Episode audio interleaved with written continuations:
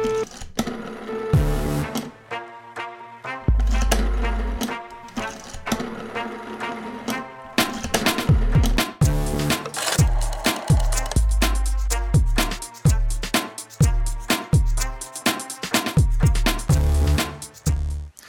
Dobar dan, dobrodošli u još jednu emisiju, još jedan podcast. Za početak samo ću ponoviti način na koji vi možete postaviti vaše pitanje, izneti vaš problem. 069-893-0023, to je Viber broj.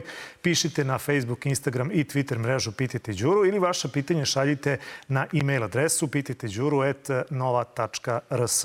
Ovih dana, ovih nedelja aktuelni su dronovi. E, dronovi nisu aktuelni samo e, ovih nedelja zbog političke situacije i onoga što se dešavalo na Kosovu, već je to prosto jedna novina za koju se možda i ne mora reći da je novina jer ona funkcioniše već nekih e, od 2015. 16. kod nas na tržištu. Dakle, možete kupiti drone. Sad, kako, ga, kako njime pilotirati i da li je to dozvoljeno na Ta pitanje ćemo odgovore danas dati Danka Nešović iz Akademije za avijaciju. Danka, dobro dan, dobrodošli. Dobar dan, bolje vas našli. E sad, za početak, oslonit ćemo se na ovu situaciju koja je bila protekle nedelje kad je bilo dosta reči o dronovima. Da prosto gledalci razumeju, kada kažemo dron, mi ne mislimo na ono što, samo što se dešavalo prošle nedelje u Koprenoj zoni i u Raški, već mislimo na jednu široku lepezu ovih, ovih proizvoda. Ali šta je ono što je bilo i na što nas je i vojska i predsednik obaveštavao proteklim danima, šta je ono što se desilo i šta su oborili Vojska Srbije na jugu naše zemlje? Pa dobro, to je bio incident ko, ko, na koji smo mi kao država reagovali, samim tim oborili taj, taj dron. Kad god se desi tako nešto, a to je više, da tako kažemo, vojna situacija, po pitanju dronova, po pitanju ove situacije Ukrajina, Rusija i ostalo upotrebe tih dronova u ratnim uslovima, onda se malo podigne više priča o samim dronovima i upotrebi dronova. Mislim, dronovi jesu došli iz vojne industrije i to se prvo proizvodilo u vojsci još 60. godina u Americi, pa su nakon toga iz vojne industrije ušli u civilni deo. Ja moram da kažem da mi kao PEP Akademija za avijaciju se bavimo civilnim dronovima i, i vršimo obuku za pilota civilnih dronova, ne za vojne. Međutim, naravno, povreda vazdušnog prostora svake zemlje je jako ozbiljna stvar i vi morate tu kao država i svaka ozbiljna država da reagujete. Samo prizemljenje drona, odnosno obaranje drona je jako bitno, ali još bitnije ko je poslao taj dron i odakle dolazi. Ranije je to bilo situacija da vi samo kad povredi vaš vazdušni prostor ili povredi, da tako kažemo, situaciju u kojoj ste vi ugroženi kao ličnost ili e, bilo kao privatno lice, vaš posed, vi oborite taj dron i na taj e, način ste rešili situaciju. Međutim, e, nije to rešenje. Vi morate da znate od koga je to došlo i vama je bitan taj operator drona, odnosno ko šalje to. Jer sada su dronovi jako ovaj, sofisticirani, znači softveri su najmoderniji, veštačka inteligencija je jako napredovala, oni istovremeno dok lete snimaju i u real time znači u stvarnom vremenu šalju snimke, šalju slike, tako da je vama jako bitno ko stoji iza toga. Nije dovoljno samo da srušite dron. Pri, pritom vi morate da vodite računa, a ako srušite dron, da imate sačuvane podatke. Znate, nije, ovaj, nije vam zanimljivo da vi uništite sve, onda tek ništa ne znate. Tako da ova situacija je naravno bezbednostno ovaj, nezgodna što se tiče naše države i država je kao i svaka druga reagovala da se to ovaj, dovede na najbolji mogući način u red, da ne sme niko da, da povredi vazdušni prostor bilo koje države. A naravno, e, po, pogotovo u dronovima, ovaj, letelicama raznih vrsta i ostalo.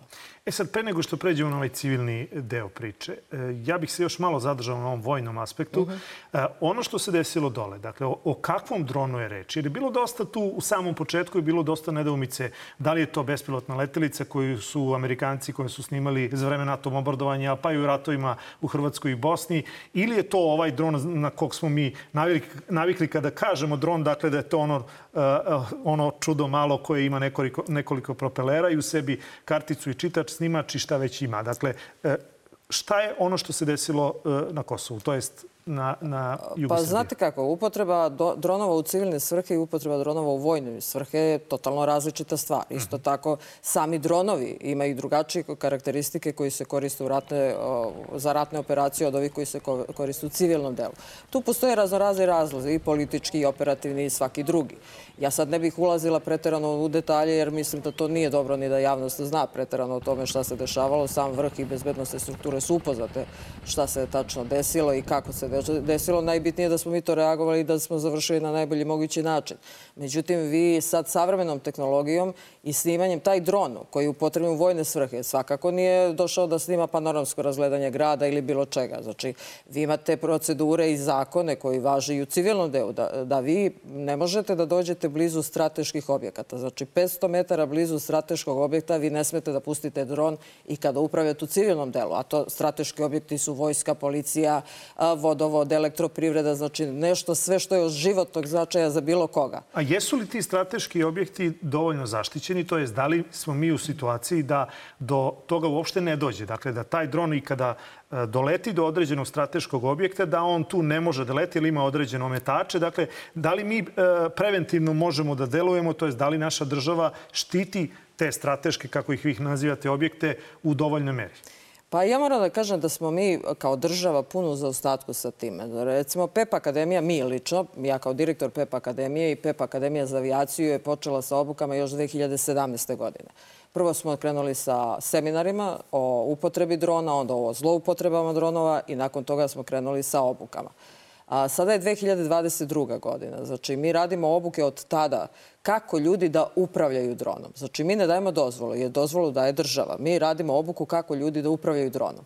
A, od pre dve godine Evropska agencija za bezbednost vazdušnog saobraćaja, znači od 2020. decembra 2020. je donela zakon ko, po kome smo svi u obavezi, bez obzira da li smo članica Evropske unije ili ne, jer taj zakon pokriva ceo vazdušni prostor Evrope, da svako ko želi da upravlja dronom mora prethodno da završi obuku za, za isto, znači za, za dron bilo koje kategorije kojim želi da upravlja. I u skladu sa tim postoje razorazne kategorije dronova, pa sad imate dron do 900 grama, pa od 900 grama do 4 kg, odnosno do 3 kg i 900, pa od 4 kg do 25. Postoje kategorije dronova kao što imate kategorije za polaganje vožnje u autoindustriji. Upravo to sam hteo da razjasnimo. Dakle, kad vi kažete kategorije, da li to znači da onaj dečiji dron koji možete da kupite u prodavnici ne spada u dron? Dakle, e, u toj kategorizaciji i za koji dron se mora imati dozvola, a za koji ne? Znači, svi dronovi, dronovi imate prve kategorije, to je do 900 grama. Znači, od 250 do 900 grama. Dron ispod 250 grama se ne smatra a, značajnim dronom za koga bi trebala neka obuka. Međutim, vi morate da shvatite da su dronovi sve savršeniji i sve manje. To ne znači da je neki mali dron koji je veličina šibica ne može da napravi neku razornu moć. Jasne. Mislim, mi sad imamo te dronove kamikaze koji se koriste za razne ratne situacije, pogotovo sad Ukrajina, Rusija, odnosno imamo dronove koji se koriste za špionažu, za korporativnu špionažu, koji su jako mali, koji su nevidljivi, koji mogu da naprave jako veliku štetu. Ovi dronovi samoubice, kamikaze, znači oni su i tako i projektovani da onog momenta kad on ovaj, nacentrira tu svoju metu koja mu je već pro projektovana, prilikom udara u metu, on eksplodira. Tako da, uzimajući u obzir uh, usavršavanje vojne industrije i sve veću upotrebu veštačke inteligencije, gde vi ako zadate dronu određen zadatak da on to mora da izvrši, on će svakako izvršiti i uh, imajući u vidu smanjenje cena upotrebe dronova, odnosno razlike u ceni korišćenje dronova u vojne svrhe i korišćenje projektila, gde vi recimo imate jedan dron kamikazu kao što je ovaj Phoenix Ghost, od nekih 6.000 dolara, imate ovaj projektil koji je 140.000 dolara, onda vi vidite šta vam je isplativije. Mm -hmm. Pritom, a, mogućnost razorna, razara, moć. razorna moć je ogromna i preciznost je ogromna. Jer vi kad ispalite projektil, on u određenom vremenu mora da stigne na, metu, na odredište i da pogodi metu. Ako se ta meta iz bilo kog razloga pomeri, dron pada, ovaj, projektil pada tamo gde ste vi projektovali, bez obzira da li je meta tu ili ne. I mogućnost uništavanja ciljeva je smanjena. Dok recimo kod drona on ima odloženo dejstvo. On čeka da meta dođe u njegov radijus i onog momenta kad, kad bude najpovoljnije da je meta u njegovom radijusu, on, on će uništiti. Tako da preciznost sa kojom dronovi uništavaju koriste se u vojne svrhe, u korporativnoj špijunaži, u civilnom sektoru, da tako kažemo, jer mi se bavimo isključivo civilnim sektorom i ovaj, obukama ljudi za upotrebu drona u civilstvu, je jako interesantna i jako bitna. Naravno da imamo sve informacije što se tiče upotrebe dronova u vojnim svrhe za raznorazne zemlje, ali to nije, ovaj, kako da vam kažem, Jasno. deo našeg posla. Pomenu ste malo pre upotrebu i zloupotrebu. Dakle, e, šta naš zakon i da li je naš zakon, e, da li prati evropske zakone, I šta znači ta upotreba, šta znači zloupotreba? Ja moram da kažem da država bi morala, naša država, s obzirom da smo mi potpisnici i punopravni članovi mnogih međunarodnih institucija i organizacija još odavno, da bi morali malo ozbiljno da shvatimo ovu priču o dronovima i država je o obavezi da implementira sve evropske regulative koji se tiču avijacije. I sve su uglavnom implementirane osim ove koje se tiču dronova. Znači, mi još uvek nismo implementirali zakon po kome vi, da biste e, dobili dozvolu, morate prethodno da završite obuku. Znači, stvar je jako e, delikatna i jako opasna. Da... Čekajte, hoćete da mi kažete da, da ljudi u Srbiji voze dronove bez dozvole, to jest da imaju dozvole koje nisu uh, u skladu sa evropskom uh, regulativom? Da. Hoću da kažem da ljudi, imaju ljudi koji dobijaju dozvole, i koji e, regularno to rade, a imaju do, ljudi koji koriste dron da im ne treba nikakva dozvola. Ja moram da kažem ovo što ljudi e, smatraju dozvolom, što sada naš direktorat izdaje kao dozvola, to je potvrda za upravljanje dronovima. Znači, vi na osnovu propisa koji položite u direktoratu civilnog vazduhoplovstva dobijete potvrdu da vi možete, koja se u narodu smatra dozvolom, da vi mhm. možete da upravljate dronom. Malo je iluzorno da vi upravljate dronom a da nikad niste uzeli dron u ruke, da, da upravljate, zamislite da vozite automobil, samo ste položili propise, nikad niste seli u automobil. Znači, to e, više ne može da prolazi. Znate, mi, mi smo imali dve godine da to implementiramo i morali smo da implementiramo, mi to nismo. Ja uh, mislim da je krajnje vreme da se uh, naša avijacija dovede u red. Po pitanju, sada pričamo o pitanju dronova. Znači da stručni ljudi dođu na stručna mesta i da se to a, dogodi na jedan pravi način. Na taj način mi štitimo sve ljude. Pazite, ako vi date dozvolu nekom ko nema iskustva, nema znanja da upravlja, on nije samo uh, opasnost za sebe, on je opasnost za sve ljude oko sebe. To je ugrožavanje javnog reda i mira. Predstavlja opasnost za vas. Ako sad mi sedimo ovde i nama dron dođe tu blizu nas, a možete i sami da se setite koliko puta ste bili negde pa čujete zujanje drona koji je tu negde, vi recimo ne možete u horizontalnoj a, razdaljini da priđete bliže čoveku od 30 metara. To je po našim, isto po našoj regulativi ovaj, uvedeno u pravilnik. A vi znate da imamo svadbe gde su mladencima tu negde iznad glave dronovi. Upravo sam to hteo da vas pitam, da. Onda ne smete da letite iznad velike grupe ljudi. Jer pa imate u vidu da je dron uređaj koji svakog momenta može da otkaže. Znači, kao Kad kažete drugi to ne sme da priđe čoveku na 30 metara, da li to znači po horizontali ili po, po vertikali? Po horizontali, po horizontali. A što se tiče visine? Pa što se tiče visine, ima određene visine e, do kojeg vi morate da vodite računa kad ste iznad ljudi i kad treba tražite po, posebnu dozvolu od direktorata civilnog vazduhoplostva da biste mogli na većim visinama iza 100 metara recimo da letite, onda vam treba posebna dozvola jer narušavate ovaj vazdušni prostor i onda mora da se vodi računa zbog aviona, zbog helikoptera, zbog drugih ovaj, letelica koje su u vazduhu, da li smete uopšte u tom periodu da upravljate dronom, da ne remetite vazdušni saobraćaj i sve ostalo. Znači, postoje jasni propisi, postoji pravilnik od nas, ali on nije ažuriran. Znate, taj pravilnik iz 2020. iz februara 2020. godine. A nova regulativa Evropska je stupila u decembru 2020. Znači, nakon 1. januara 2021. mi smo to trebali da implementiramo. Mi to nismo uradili. A u obavezi smo. Mi jesmo potpisnici sporazuma, ali nismo mi potpisnici sporazuma samo da bi to potpisali. Znači, mi moramo da vodimo računa. Uh -huh. a, pazite, a, dronovi su sve više u upotrebi. I a, do, pre, do a, decembra 2020. Evropska agencija za bezbednost vazdušnog saobraćaja je bila prepustila državama da svaka država za sebe donese regulativu u vezi sa dronovima. I države su manje više to samostalno i donosile. Bilo je copy-paste, ali uglavnom su to donosile.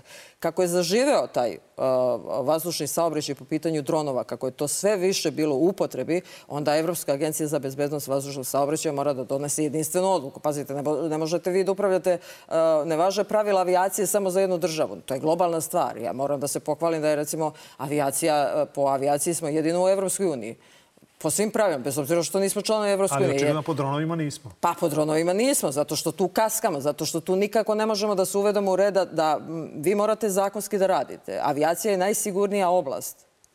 Apsolutno, u svakoj grani. A ko bi to grani. trebalo da kontroliše i da li kontroliše? Dakle, to bi tre... evo recimo na plastičnom primjeru. Dođem na uh, obalu Save, na Novom Beogradu, podignem svoj dron i letim iznad kompletne Ade Ciganlije uh, i čak uzletim preko tih 100 metara koje vi pominjete ko tu reaguje, kome se to prijavljuje, da li iko to nadzire i na koji način? Pa to mora da se, mislim, kad samo kršenje javnog reda i mira, znači prijavljuje se e, nadležnoj, kod nas je nadležno regulatorno telo direktora civilnog vazduhoplovstva Republike Srbije.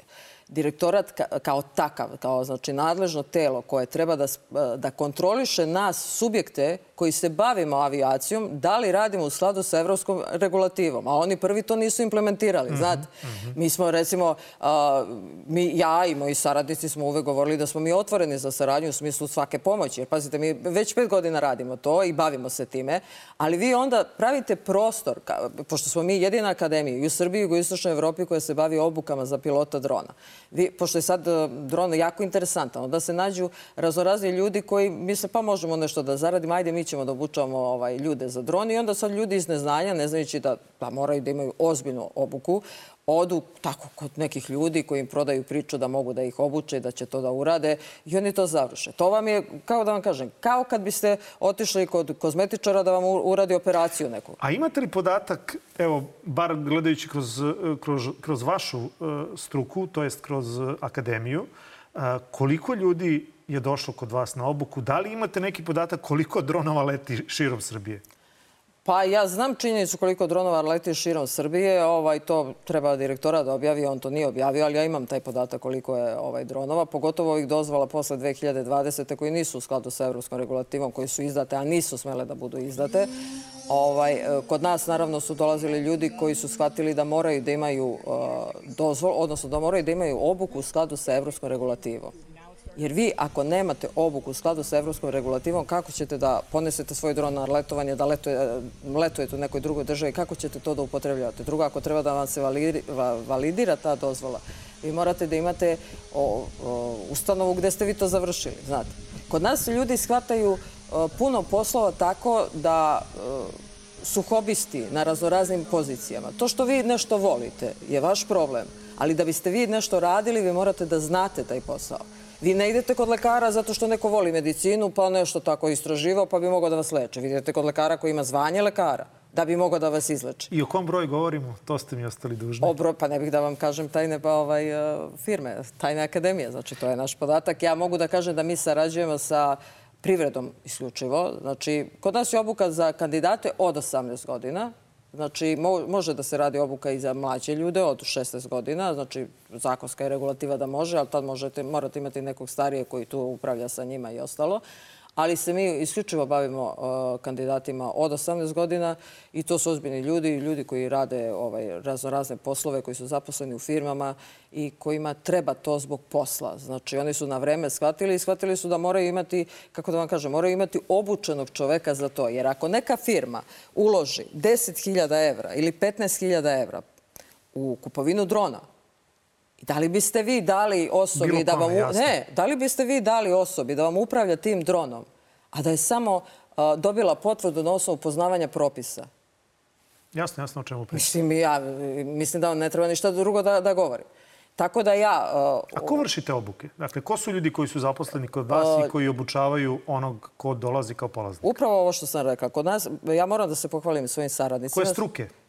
Pa to su sve ljudi iz avijacije, pošto ima mhm, raznoraznih mhm. predmeta, onda pokrivaju predmete stručnjaci i eksperti svako svoje oblasti, ali ljudi iz avijacije sa dugogodišnjim stažom u avijaciji.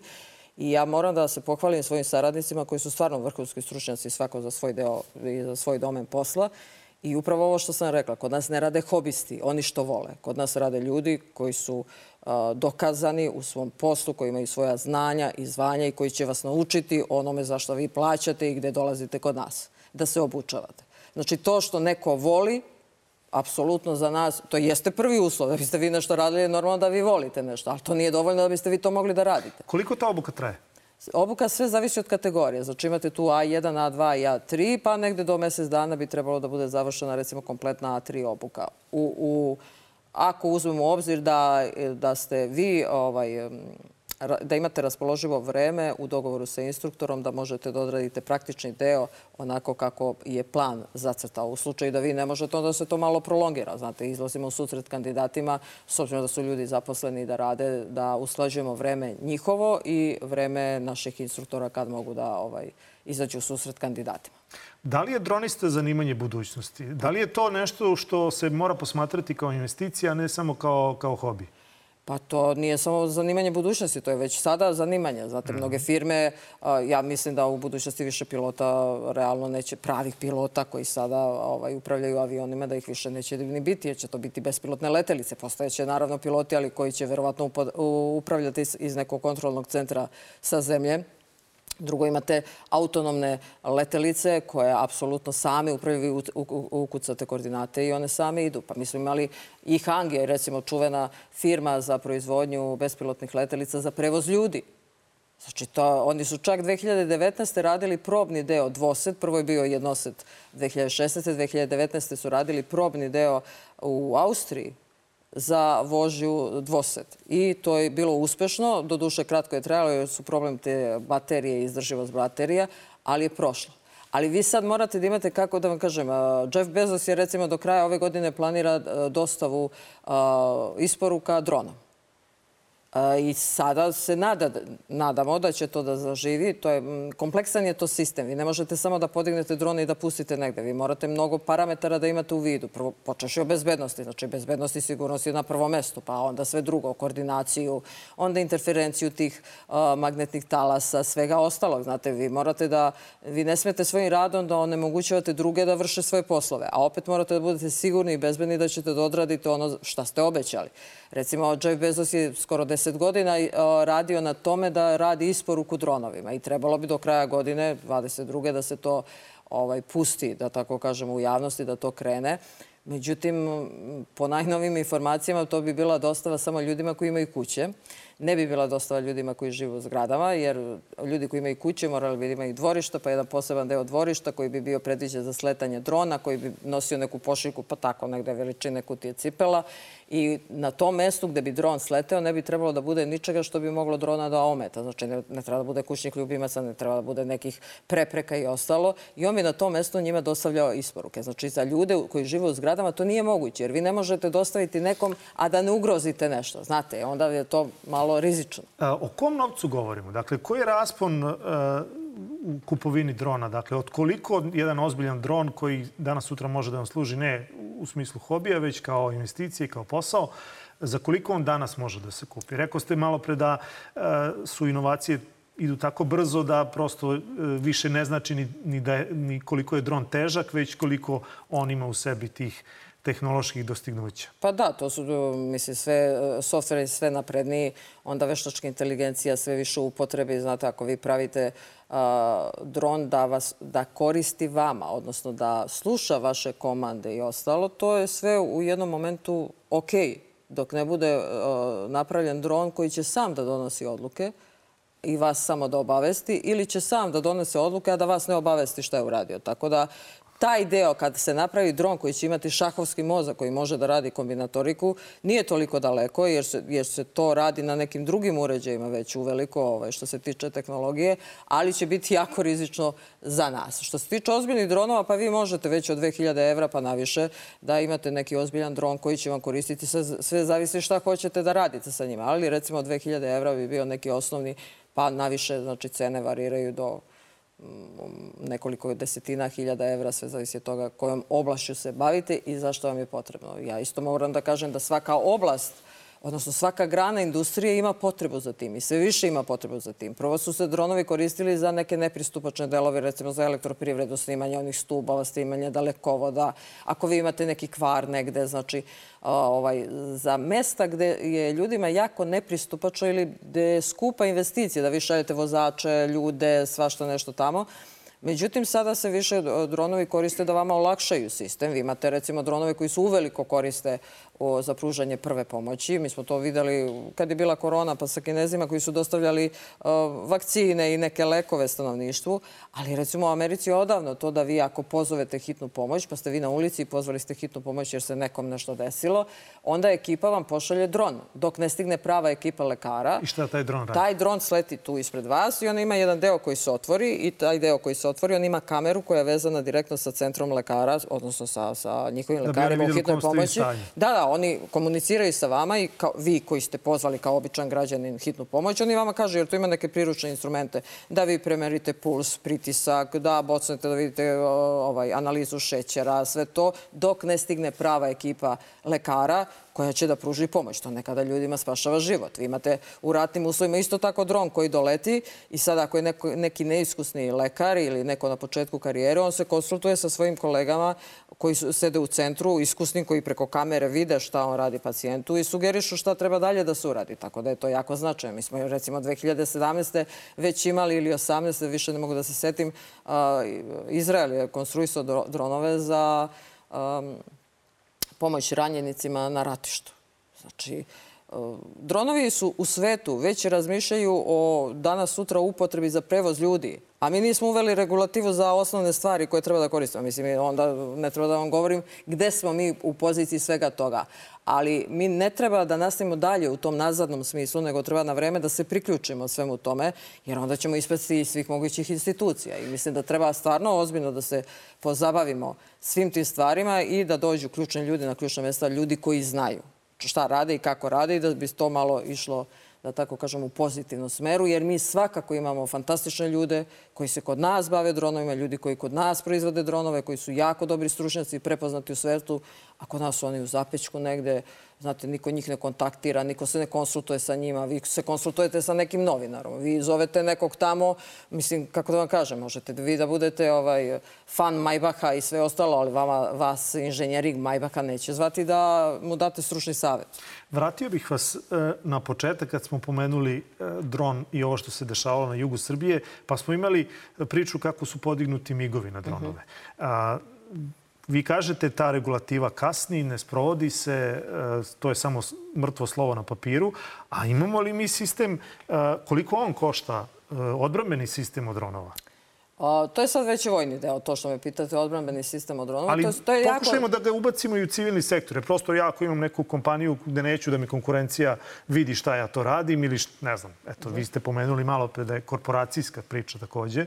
Dakle, da li ja tu mogu i na koji način da se štiti? Pa vi možda, postoje raznorazne antidron tehnologije i tehnike kojima vi ometate nepoželjne dronove ili ove dronove koji vas špioniraju. Znači, to je nezavisno od vojske. Vojska, vojska ima svoj odbranbeni deo. Ovo što, što ste rekli da su mi migovi podignuti. Mislim da je to nezgodno sročeno i nezgodno prezentirano javnosti, jer svakako migovi neće ići na dron niti hvatati dron. Migovi su samo podignuti da bi se isprobala spremnost vojske i ovaj, ta vojna, da tako kažemo, ovaj, bezbednost i uopšte na kom smo stepenu mi ovaj, vojne bezbednosti što se tiče naše države. Inače, mi ne lovi dron, to, to odmah da, da budemo jasni sa tim.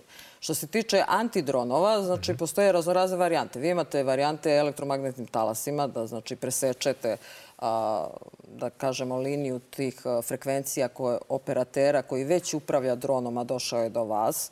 Znači da presečete i samim tim dron pada na, znači, na vašu komunikaciju presečete tu komunikaciju, on pada, ili da presečete komunikaciju pa da vi počete, da preuzimate kontrolu nad dronom i onda ga vi navodite kuda vi hoćete i upravljate.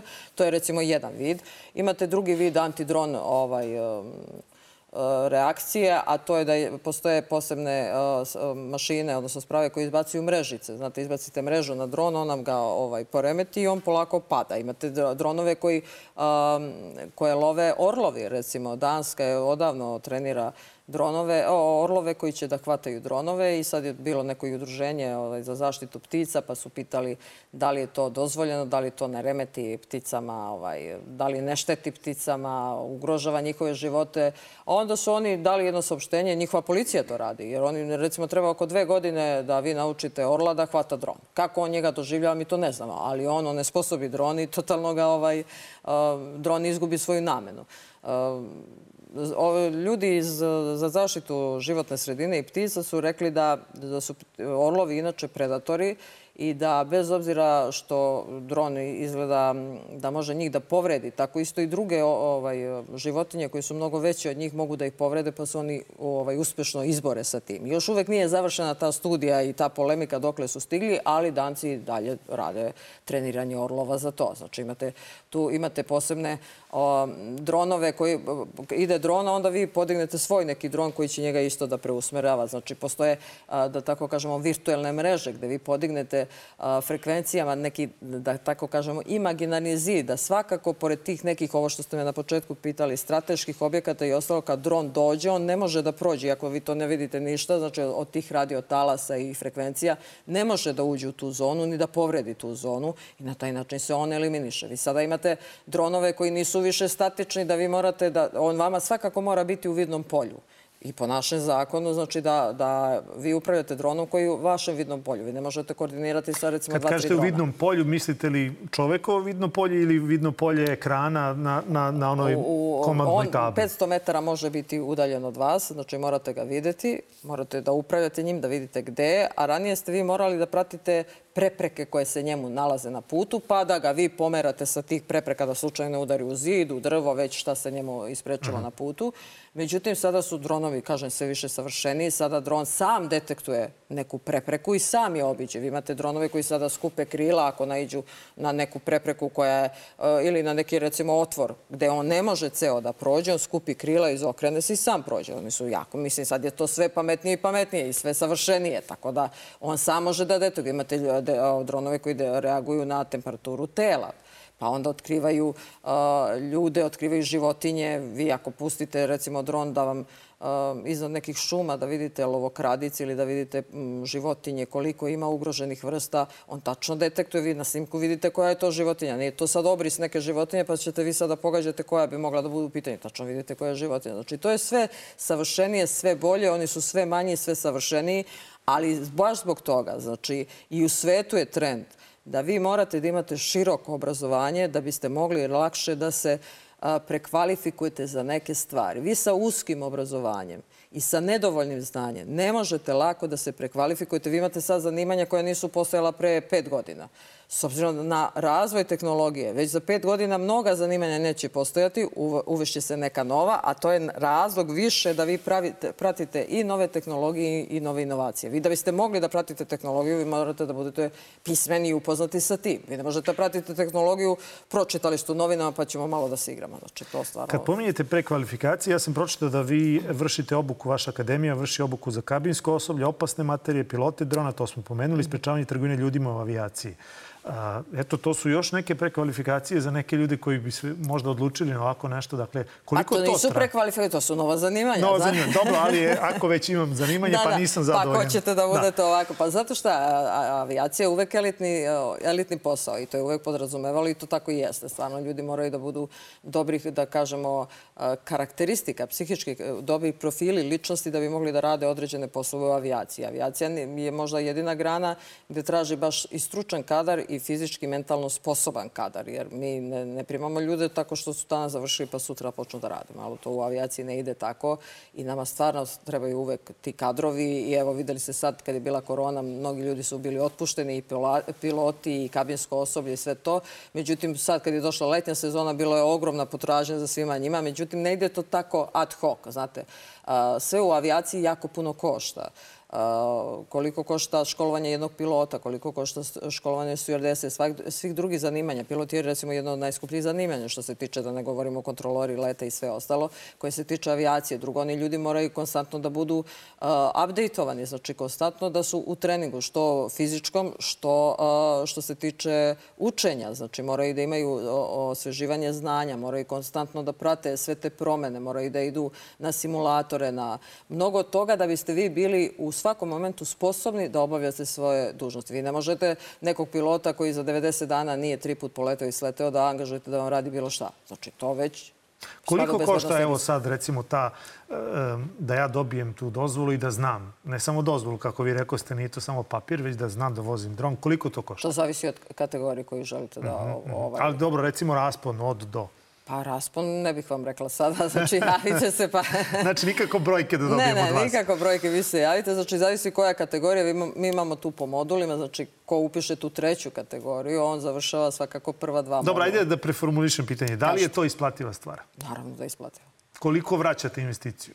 U kolikom vremenskom periodu? Pa zavisi koji posao ćete da radite. Evo, Neki- hoću da budem dronista i da snimam svadbe. E, Da smijate svadbe, pa sad zavisi koliko već imate zakazanih svadbi ovaj, koji biste snimali. hoću li dobiti- Znate kako, to su ljudi koji su već, eh, koji su, naši ljudi su uglavnom već ljudi koji su zaposleni i koji su shvatili, njima i firma plaća, neki sami plaćaju, ovaj, da će mnogo više da uštede ako ulože novac u tog jednog, dva, tri čoveka kojima će da plate obuku, nego da angažuju deset drugih koji će raditi neke stvari koje može dron da završi, a pritom e, mnogo kvalitetnije i mnogo bolje. I samim tim svako, svako ulaganje u znanje je isplativa investicija. To nikad nije promašena investicija. Pogotovo ulaganje u znanje u nove tehnologije. Mislim, to nikako ne može da bude ovaj investicija koja je negde u zapećku.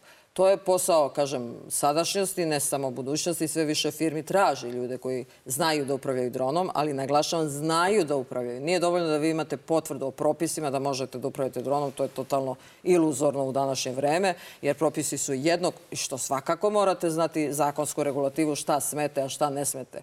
Ali ne možete vi ovaj, e, raditi hirušku intervenciju, operisati pacijenta tako što imate parametre ko ne sme da ide na operaciju a da nikad niste, a da ne znate šta je suština svega toga. Mislim, malo se, malo se to mora dovesti svakako u red. I mislim da i hoće.